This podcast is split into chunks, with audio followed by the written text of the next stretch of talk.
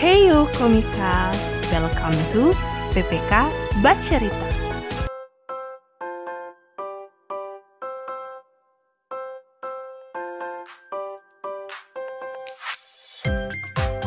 Heyo siswa, Heyo, kembali lagi bersama kita dalam program PPK Baca Rita. bersama saya Dona dan teman saya. Saya Toar. Saya siswa dari SMA Negeri 9 Binsus, Manado. Oke, Toar, kan sekarang eh, lagi pandemi nih, pemerintah ngewajibin semua sekolah online atau daring. Kira-kira udah berapa lama sih sekolah online? Kalau sekolah online sih Kak, kurang lebih udah jalan 6 bulan ya.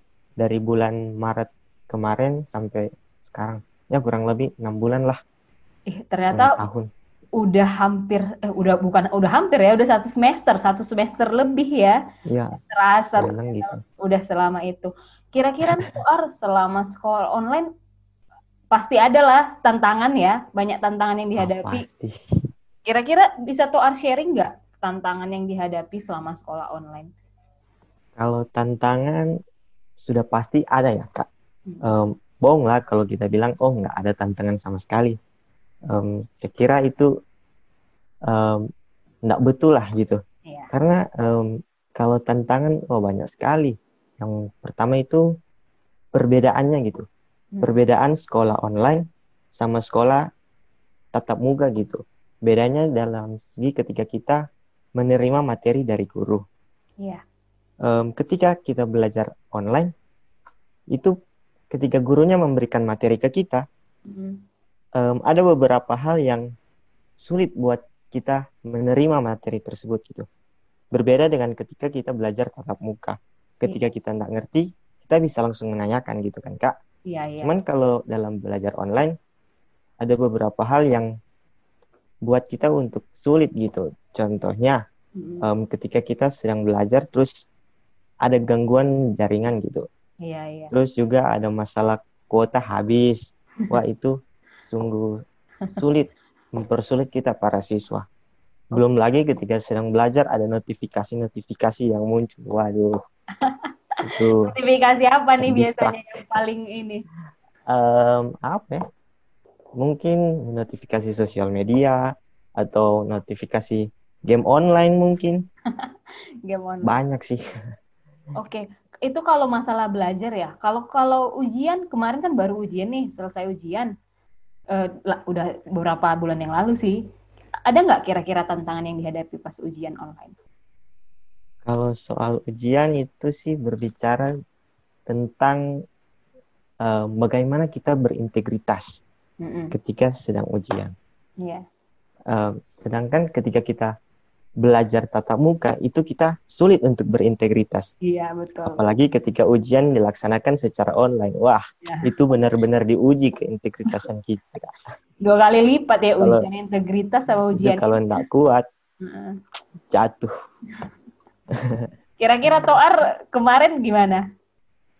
Bi- Bisa nggak? Em, kalau aku sih Kak, Mm-mm. jujur ya soal masalah berintegritas itu masih belajar, masih belajar untuk betul-betul bisa berintegritas. Mm-mm. Soal kemarin yang ujian itu, wah itu sungguh, itu jujur belum bisa berintegritas secara penuh gitu kak. Apalagi ujiannya nggak dilihat oleh guru gitu kan, Iya, iya. cuman dikasih soal ini, kerjakan soal, terus dikasih waktu kumpul. Apalagi kan kerjakan online, kita bisa lihat di YouTube, bisa buka Google, Iya. banyak lah informasi yang kita bisa temukan gitu sih kak. Ternyata banyak sekali ya tantangan yang dihadapi. Nah, untuk itu kita pengen tahu nih sebenarnya belajar itu untuk sekedar dapat nilai, sekedar lulus ujian, atau untuk membuat kita bernilai. Untuk itu kita akan bahas lebih lanjut bersama pembicara kita. Kita ada satu pembicara, kedatangan satu pembicara, yaitu Kak Ade. Halo Kak Ade. Halo Kak Ade. Halo Kak. Kak, Halo. Kak. Kak Ade. Perkenalan dulu ya. Oke. Halo semuanya. Halo komika. Eh, nama saya Ade. Eh, saya dulu juga sekolah di sekolahnya Toar nih. dulu alumni BINS. Belum. Ini ternyata tapi bertahun-tahun yang lalu. Iya. Iya, tapi udah eh, lama ya. Eh, 2007, 2007 di Iya, iya. eh, 1. Eh, iya benar, 2007, lulusnya 2010. Mm-mm. Terus habis itu kuliah di Fakultas Ekonomi, Mm-mm. eh, tapi terus juga udah lama. Jadi kapan umurnya nih? Iya, Gitu. berarti nggak pernah ngerasain Mhm. kuliah online sebenarnya ya kak? Kuliah atau sekolah Iya. online gitu ya? Ah, ah. nggak nggak pernah ada di situasinya Toar sekarang sih dan siswa-siswa yang eh, 2020 ini ya. Tapi Jadi dulu ngerasain full tatap muka semua gitu. Em, apa ya sekolah online atau belajar online tuh sesuatu yang rasanya kayak mustahil gitu dilakukan karena dulu juga jaringan internet kan belum selancar sekarang Iya, ya. iya. Sosial media dulu 2007 berarti masih Facebook doang gitu ya kak? Friendster gitu. Friendster. Friendster. Iya, iya. Toar nggak udah nggak tahu lagi nih Friendster. Nggak tahu gak? Udah nggak ada. Oke, Oh, masih tahu. Oke kak. Jadi kan sekarang eh, karena belajar begini, eh, siswa kadang-kadang kehilangan motivasi gitu. Sebenarnya dan kehilangan makna sebenarnya belajar itu untuk apa sih? Kira-kira kak Ade bisa kasih masukan nggak? Oke, kita mulai dari belajar dulu ya. Ya, pada dasarnya kalau apa ya kita sebagai manusia kita ini kan semuanya manusia, kita nggak lahir langsung dewasa, langsung bisa se- bisa segala sesuatunya ya. Jadi eh, ketika lahir ya kita belajar makan, belajar jalan, semua kita pelajari kan dari orang pertama yang eh, memberikan asuhan buat kita, entah itu papa mama atau siapa pun itu. Nah, jadi hakikatnya kita manusia itu ya ya belajar untuk melakukan apa pun kita butuh belajar gitu. Gitu sih kalau dari aku. Oke, kalau untuk eh, Toar ada yang mau ditanya nggak kira-kira? Em, apa ya kak? Paling semutannya soal Mungkin kita ngobrol aja kali ya. Eh, kira-kira Dona dulu gimana waktu baru lahir langsung ini nggak langsung lari-lari nggak? Nggak, baru lahir eh, bernafas, belajar bernafas di udara Iya. karena dulu kan masih saya anak kedokteran. Dulu kita belajar Iya. berenang masih di plasenta gitu ya. Udahlah, Iya, iya, skip aja, skip aja. Belajar bernafas, pertama kali nangis gitu. Habis itu belajar Mm, ngomong, nggak langsung ngomong lancar, dadada, tatata gitu. Belajar jalan, Iya. merangkak dulu, ngangkat kepala dulu, ngangkat kepala belajar ngangkat kepala. belajar jalan, belajar waktu ke sekolah Bahkan- juga sekolah, nggak langsung hal-hal sederhana Iya. hal-hal sederhana kita benar-benar harus belajar kan jadi ya mungkin dengan dengan kesadaran itu kita bisa jadi ingat eh, bahwa ya kita belajar tujuannya adalah supaya kita menjadi manusia mungkin ya kalau quote of the day-nya gitu kali ya Eh, belajar untuk tahu lah, tahu dan mengerti. untuk gitu. tahu untuk untuk ya kita bisa berfungsi sebagaimana kita diciptakan gitu kan jadi ya bukan untuk nilai bukan untuk apa ya identitas tapi ya supaya kita bisa berfungsi dengan baik bisa Iya. jalan bisa ini mungkin kalau hal-hal dasar dulu ya waktu kita lahir gitu nanti bisa berkembang diskusinya eh, khususnya untuk tadi yang Toar bahas ya tentang belajar Mm-mm. di sekolah gitu gitu Jadi kak, kalau masalah itu tuh, tadi kan belajar bukan untuk nilai gitu kan. Salah nggak Mm-mm. sih belajar kalau untuk nilai gitu? Maksudnya untuk dapat nilai gitu? Ya, kalau eh, mungkin gini dulu kali ya, kan kalau di sekolah kita memang butuh nilai kan untuk apa ap- apa eh, istilahnya toar batas kelulusan em, batas- passing grade. KKM. KKM. KKM gitu, KKM. Ini udah udah beda zaman jadi harus konfirmasi. Kan eh, tiap ini ya, tiap jenjang kalau kita mau naik dari kelas 1 ke kelas 2 atau kalau SMA kelas 7 ya. Kelas 7 naik ke kelas 8. Eh bener gak sih? Eh salah ya, kelas 10 kalau SMA. Kalau SMA kelas 10, kelas 11, Ya, sampai kalau kelas kelas 12 kan. Oke. Ya, duh, eh, ini ya ketahuan banget ya ini umurnya udah lama nggak sekolah. Ya, let's say kalau SMP kelas 7 naik eh, 8, 9, eh, SMA dari kelas 10, 11, 12 bahkan sampai lulus. Dan di kuliah juga eh, kan kita kalau naik semester ya, Dona, Ya, heeh. Butuh ini melewati uh, batas nilai tertentu yang menyatakan bahwa kita lulus. Jadi uh, sebelum kita nanya kita bisa nggak belajar karena nilai? Motivasinya tuh nilai. Mungkin kita mundur dulu nih sedikit. Ya kenyataannya kita tuh butuh nilai. Butuh apa? Nilai yang memenuhi standar passing grade atau KKM itu. Untuk bisa kita maju ke jenjang selanjutnya terus kita belajar hal yang lain di jenjang itu iya, iya. gitu kan. Jadi uh, pada dasarnya sih kita butuh butuh nilai gitu. Kita butuh uh, itu untuk memastikan jadi nilai ini uh, kita evaluasi lihat, gitu ya kak? Itu evaluasi ya nilai ini sebenarnya untuk mengukur kita nih belajarnya udah efektif atau belum mm-hmm. gitu. Jadi ketika kita bisa mencapai nilai tertentu itu membuktikan bahwa oh di, uh, hasil evaluasinya kalau yang tadi uh, Dona bilang mm-hmm. hasil evaluasinya adalah uh, kita belajarnya udah oke okay, udah efektif kita bisa menyerap materi yang di kita uh, pelajari selama di kelas atau di perkuliahan terus kita bisa me, mengambil intisarinya kita bisa ngingat lagi hmm. dalam ujian gitu kan ya, uh, idealnya seperti itu nah tapi mungkin banyak dari kita ya aku juga dulu waktu kuliah dan waktu sekolah juga pernah ada di masa-masa yang kayak hilang arah gitu ya ini ya. sebenarnya belajar untuk apa nih ujian apa sih yang dikejar di dalam ujian itu karena kan sangat sangat takut tidak lulus gitu, tidak mencapai nilai tertentu, akhirnya menghalalkan banyak cara gitu. Tapi lupa bahwa ya sebenarnya kalaupun menghalalkan segala cara demi nilai bagus, itu uh, dampaknya ke balik ke diri sendiri kan, kayak nggak nggak ada gunanya dan tidak mencapai yang tadi yang sebenarnya ini untuk mengukur diri saya nih saya nilai atau enggak. Nah tapi mungkin balik lagi ke pertanyaan awal, uh, kita tetap butuh nilai Cuma jangan sampai nilai itu jadi tujuan utama. Nah, ya. mungkin ini ya, ya. Uh, apa kan tadi kita bahas belajar itu untuk apa sih? Ya untuk hmm. supaya kita tahu, supaya kita bisa melakukan sesuatu, supaya kita berfungsi sebagaimana kita diciptakan, hmm. kan?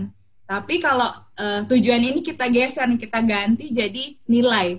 Hmm. Saya untuk dapat nilai 100, untuk dapat nilai 90. Hmm. Ya. Nah, itu kan udah jadi beda kan? Iya, betul, betul, betul yang kita mau tuju udah udah udah nggak sebagaimana mestinya. Hmm. Itu yang uh, kalau dari saya perlu di apa mindsetnya dibenerin dulu nih kita. Hmm. Berarti nilai itu penting tapi bukan yang utama. Utamanya Iya betul. Nggak nggak bisa naif juga ya. Hmm. Maksudnya kita juga nggak bisa sampein oh saya ini kan belajar supaya saya tahu. Jadi hmm. bodo amat nilainya berapa. Iya iya betul.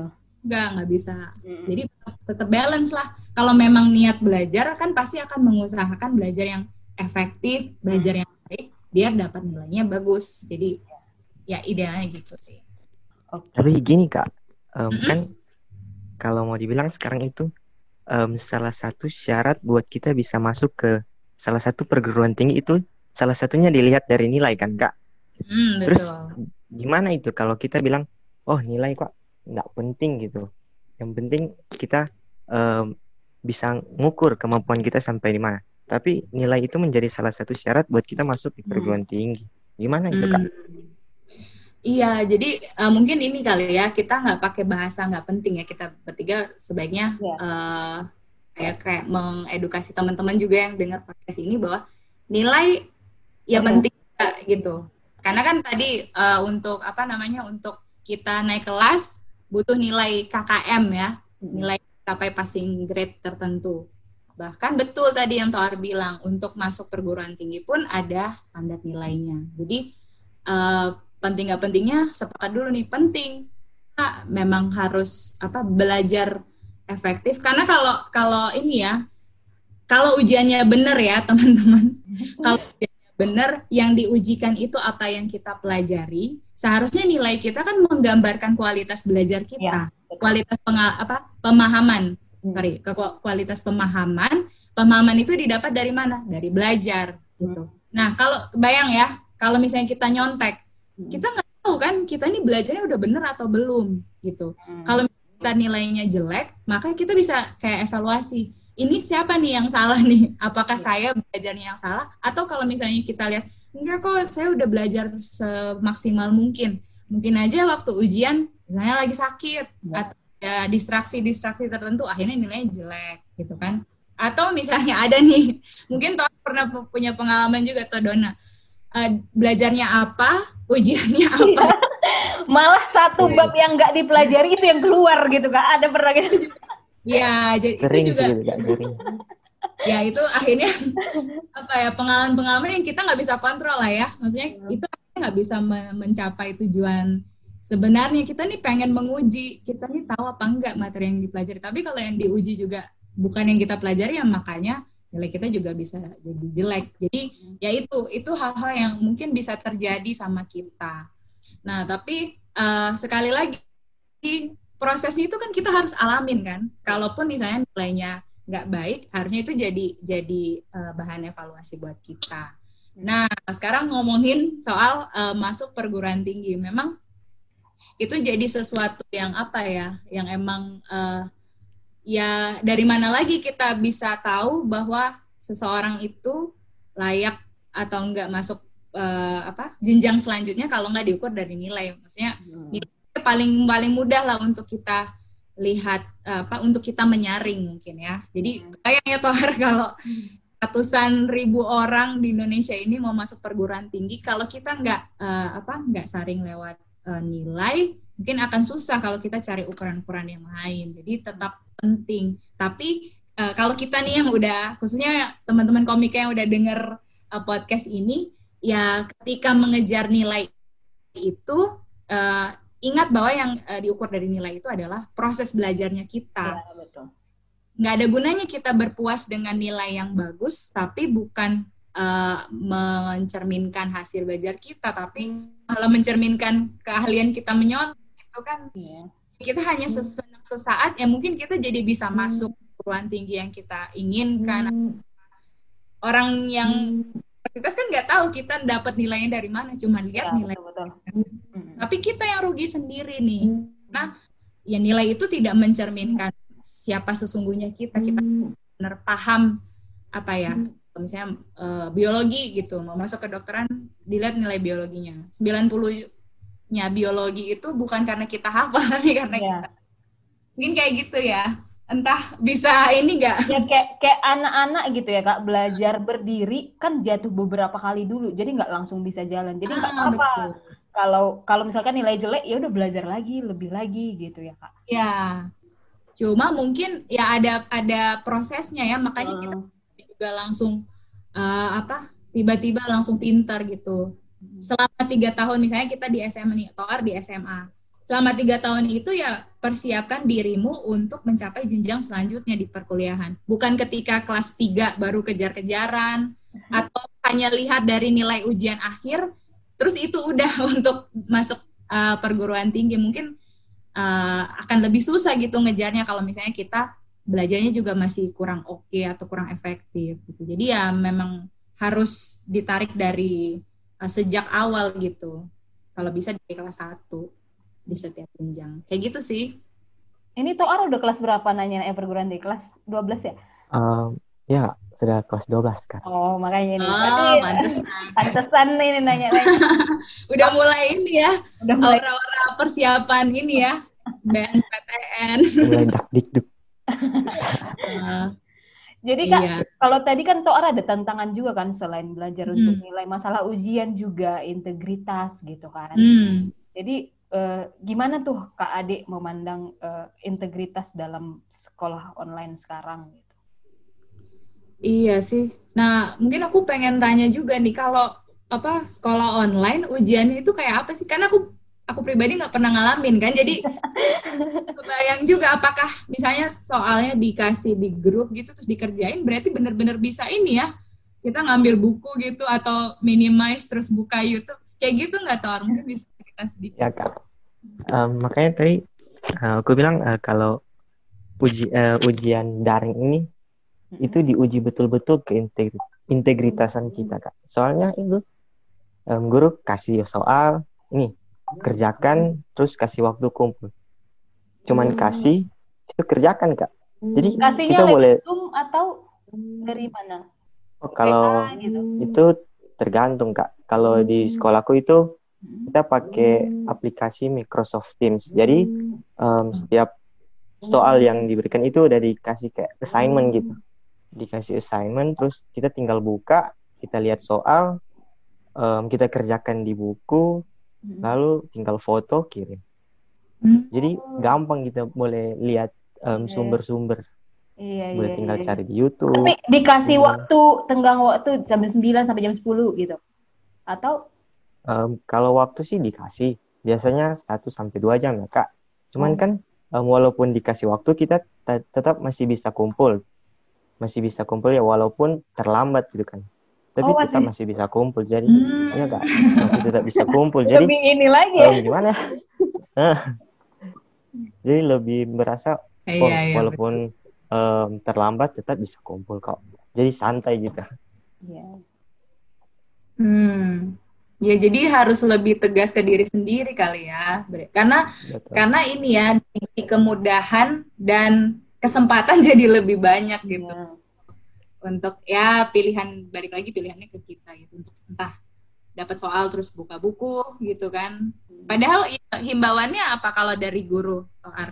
Atau bisa buka. buka Atau buku. gurunya pun tahu bahwa kalian nih bisa buka buku, bisa cariin materinya di eh, banyak sumber gitu untuk untuk jawab pertanyaannya itu. Eh, kalau menurutku sih kak, ya pastilah gurunya tahu, cuman em, kurang apa ya? Kan paling gurunya berpikir em, ya udahlah ya, udah kelas 12, udah bisa em, berintegritas sendiri lah gitu ya. Hmm. Atau gimana Iya, ya kak? iya, Ya gurunya tahu, pasti tahu lah. Iya, iya, Orang iya, cuma betul, betul. dikasih, langsung kita kerjakan, tinggal di foto kirim. Iya, dan mungkin kali serba salah juga ya, karena nggak menyiapkan, nggak terbayang sebelumnya bahwa akan ada pandemi ini dan semuanya harus online gitu kali ya. Betul. Kalau kayak gitu ya mungkin tipsnya atau eh, apa? Ya sebenarnya jadi ngambil apa yang tadi disampaikan oleh Toar ya. Balik lagi ke diri kita, kita nggak nggak bisa mengharapkan apa ya situasi atau peraturan yang memaksa kita nggak boleh nyontek. Hmm. Kalau kan diawasin nih, Iya. ada ada apa ya? Ada konsekuensi nyata gitu. Kita bisa lihat bisa lihat konsekuensinya lang secara langsung. Kita gerak dikit langsung di langsung dikasih peringatan sama guru pengawas. Nah, tapi kalau eh, sekolah online dan ujian online mungkin ya kembali lagi ke kita kalau kita ingat tujuan kita apa belajar gitu ketika di- apa dapat nilai nilai ini sedang me- menunjukkan apa nah mungkin kita jadi bisa bisa apa ya bisa memperbaiki eh, selain proses belajar sama eh, sikap hati waktu ujian. Hmm. itu kali ya. Ya sekalipun nggak mudah.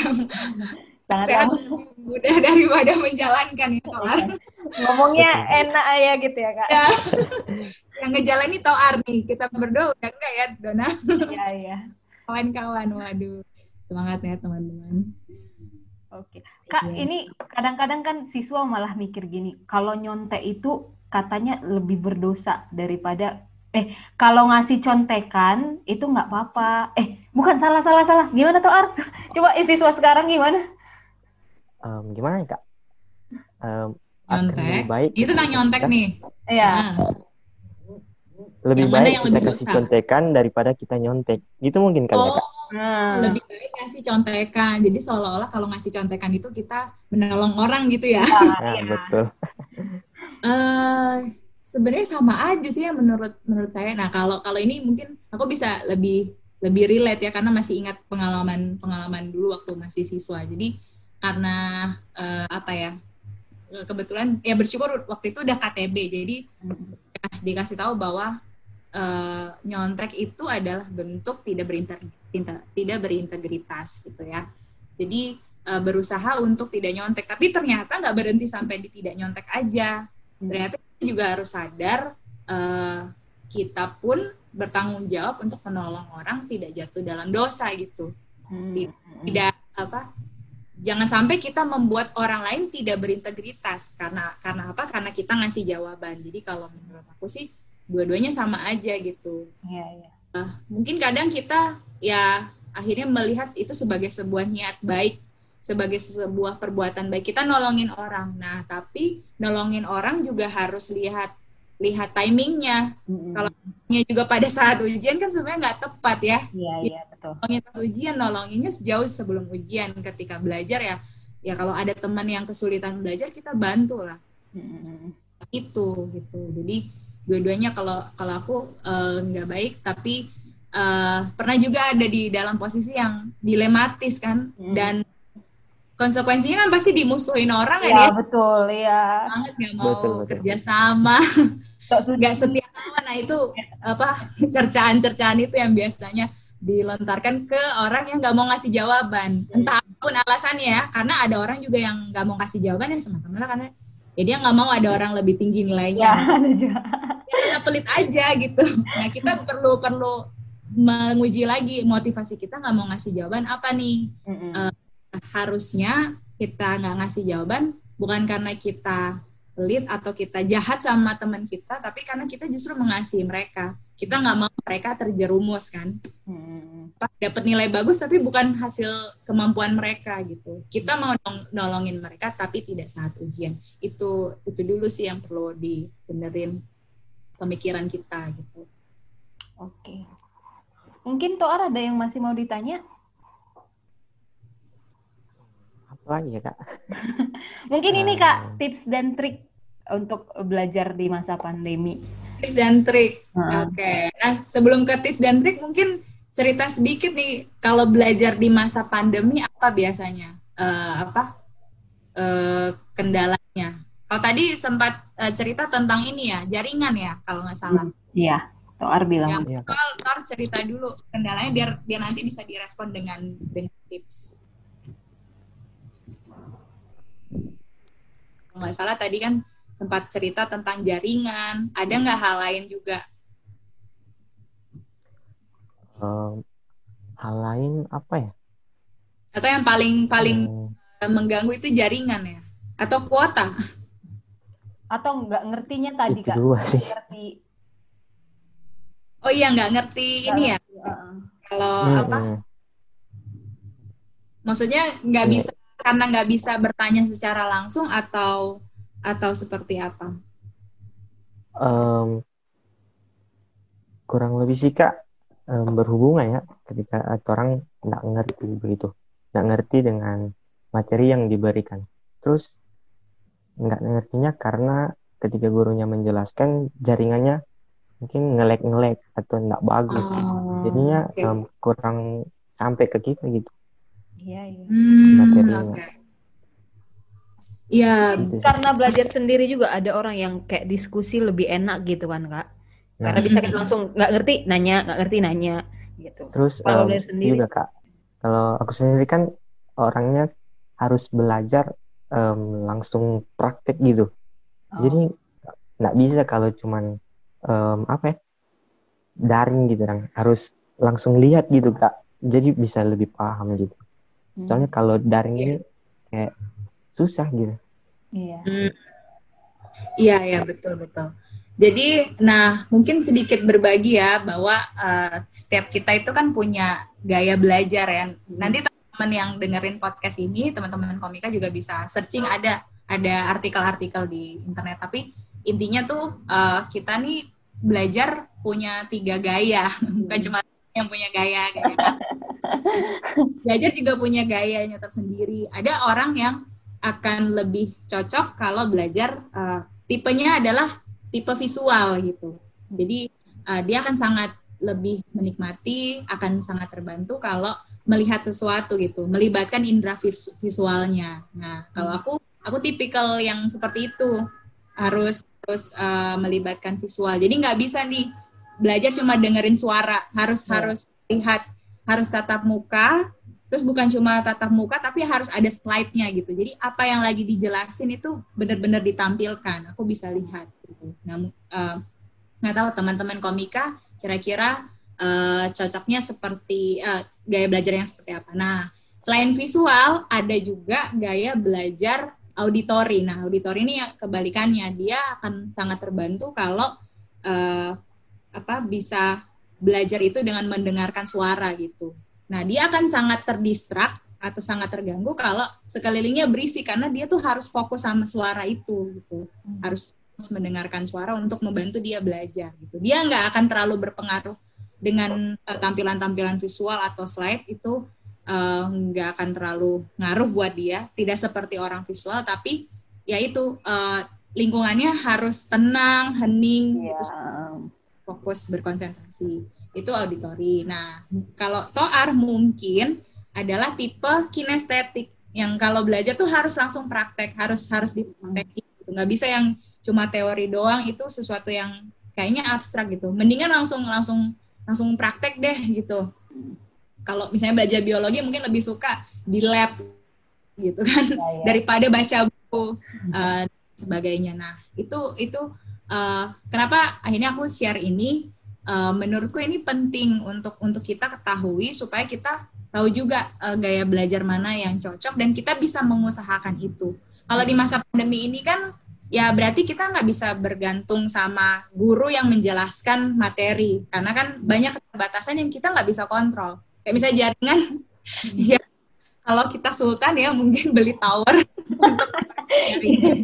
Tapi itu nggak mungkin kan untuk anak-anak siswa yang sekarang ada di Indonesia gitu. Jaringan itu sesuatu yang eh, apa ya di luar kontrol kita lah ya. Kita bersyukur kalau jaringannya oke, tapi mungkin di eh, beberapa tempat yang jaringannya masih kurang baik itu pasti akan sangat mengganggu proses. Eh, belum lagi kuota ya kuota mungkin ada beberapa yang nggak pakai wifi bergantung sama kuota eh, data di handphone gitu kan Eh, itu juga jadi tantangan tersendiri ya. Jadi eh, kesimpulannya adalah kita nggak bisa bergantung nih sama pembelajaran eh, dari sekolah semata-mata dari sekolah. Kita harus coba proaktif eh, cari sumber-sumber lain. Nah kalau menurutku sih ya untuk mempermudah mungkin sebelum kelas online dimulai kita ya harus belajar dulu. Iya. kan pasti buka punya buku panduan kan buku buku cetak gitu LKS nah itu mungkin membantu kita untuk kita paling nggak ada pemanasan dulu nih sebelum kita dengerin materi dari uh, guru. Terus uh, kalau misalnya kita mem- uh, memungkinkan gitu untuk uh, minjem hotspotnya siapa gitu untuk nambah-nambahin kuota kita nah itu dipakai jangan buat buka sosmed. Tapi game. Iya, malah main game gitu. Jadi diaturlah eh, kesempatan kalau misalnya bisa ada tambahan kuota, eh, ya jangan jangan sampai kita hanya menggunakan itu untuk buka sosial media, tapi udah direncanain nih kita mau eh, apa cari materi tentang apa yang kita butuh tambahan, butuh suplemen-suplemen gitu. Jadi ya silakan di browse, browsing kan sekarang banyak video-video belajar ya yang udah diupload secara gratis nah itu bisa bisa kita akses jadi intinya nggak nggak bergantung sama materi di sekolah tapi kita juga usaha untuk eh, belajar mandiri gitu belajar mandiri sesuai dengan gaya belajar kita gitu. Iya.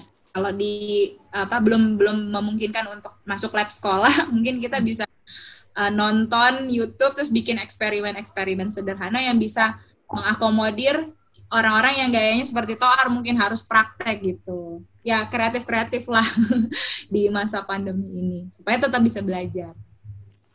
Kayak gitu sih. Luar biasa sekali Kak Ade. Kira-kira Kak ada final statement nggak untuk eh, teman-teman siswa gitu? Ya, kalau aku em, mungkin teman-teman pesan buat teman-teman eh, komika, buat Toar juga semua eh, yang sedang mengalami pandemi ini ya pandemi ini memang sulit membuat eh, kita mungkin merasa terhambat dalam eh, bersekolah atau dalam belajar. Tapi sebenarnya ketika kita eh, menemui hambatan itu adalah kesempatan kita untuk bisa lebih kreatif lagi kita mencari uh, alternatif-alternatif lain uh, dan membantu kita belajar. Nah, dan yang mesti diingat mungkin yang di di awal tadi kita udah uh, bahas panjang lebar ya. Uh, apa sih tujuan kalian belajar? Kalau tujuan kalian belajar hanyalah sekedar nilai, ingat itu nggak akan bertahan lama, gitu ya. Oke, hanya untuk uh, kalian melanjutkan ke jenjang yang lebih tinggi atau kebahagiaannya hanya sesaat. Tapi ketika kalian motivasinya belajar adalah supaya kalian paham, supaya kalian mengerti, bahkan supaya kalian tuh benar-benar bisa uh, menjadi diri kalian sendiri, itu yang akan lebih bertahan lama. Dan itulah sebenarnya inti dari belajar. Jadi rajin-rajinlah belajar. Iya, rajinlah belajar walaupun online. Jadi intinya adalah Iya. belajar itu untuk bernilai ya kak. ya, betul sekali. Bukan Tapi untuk nilai, tapi nilai itu penting. Tapi nilai itu penting. Oke. Rajin belajar ya, ujung-ujungnya tetap harus rajin belajar. Belajar, belajar. Gak boleh males-males. Oke kak, terima kasih kak untuk eh, sharingnya untuk eh, Sama-sama. podcast kali ini. Nah, eh, teman-teman, kalau untuk eh, teman-teman punya pertanyaan untuk Kak Ade juga, nanti boleh ke mana tuh Art? DM ke mana? Um, ke akun sosmed kita yaitu di @ppkmanado di Instagram. Mm-mm, di Instagram. Nanti selain kalau mau tanya Kak Ade atau eh, teman-teman ada pergumulan yang ingin mau ditanyakan juga atau mau dibahas, boleh juga DM ke. Oke, sekian eh, podcast kita kali ini. Sampai jumpa di podcast selanjutnya. Bye-bye. Bye, terima kasih Thank you semuanya. Kak Ade. Thank you, Toar.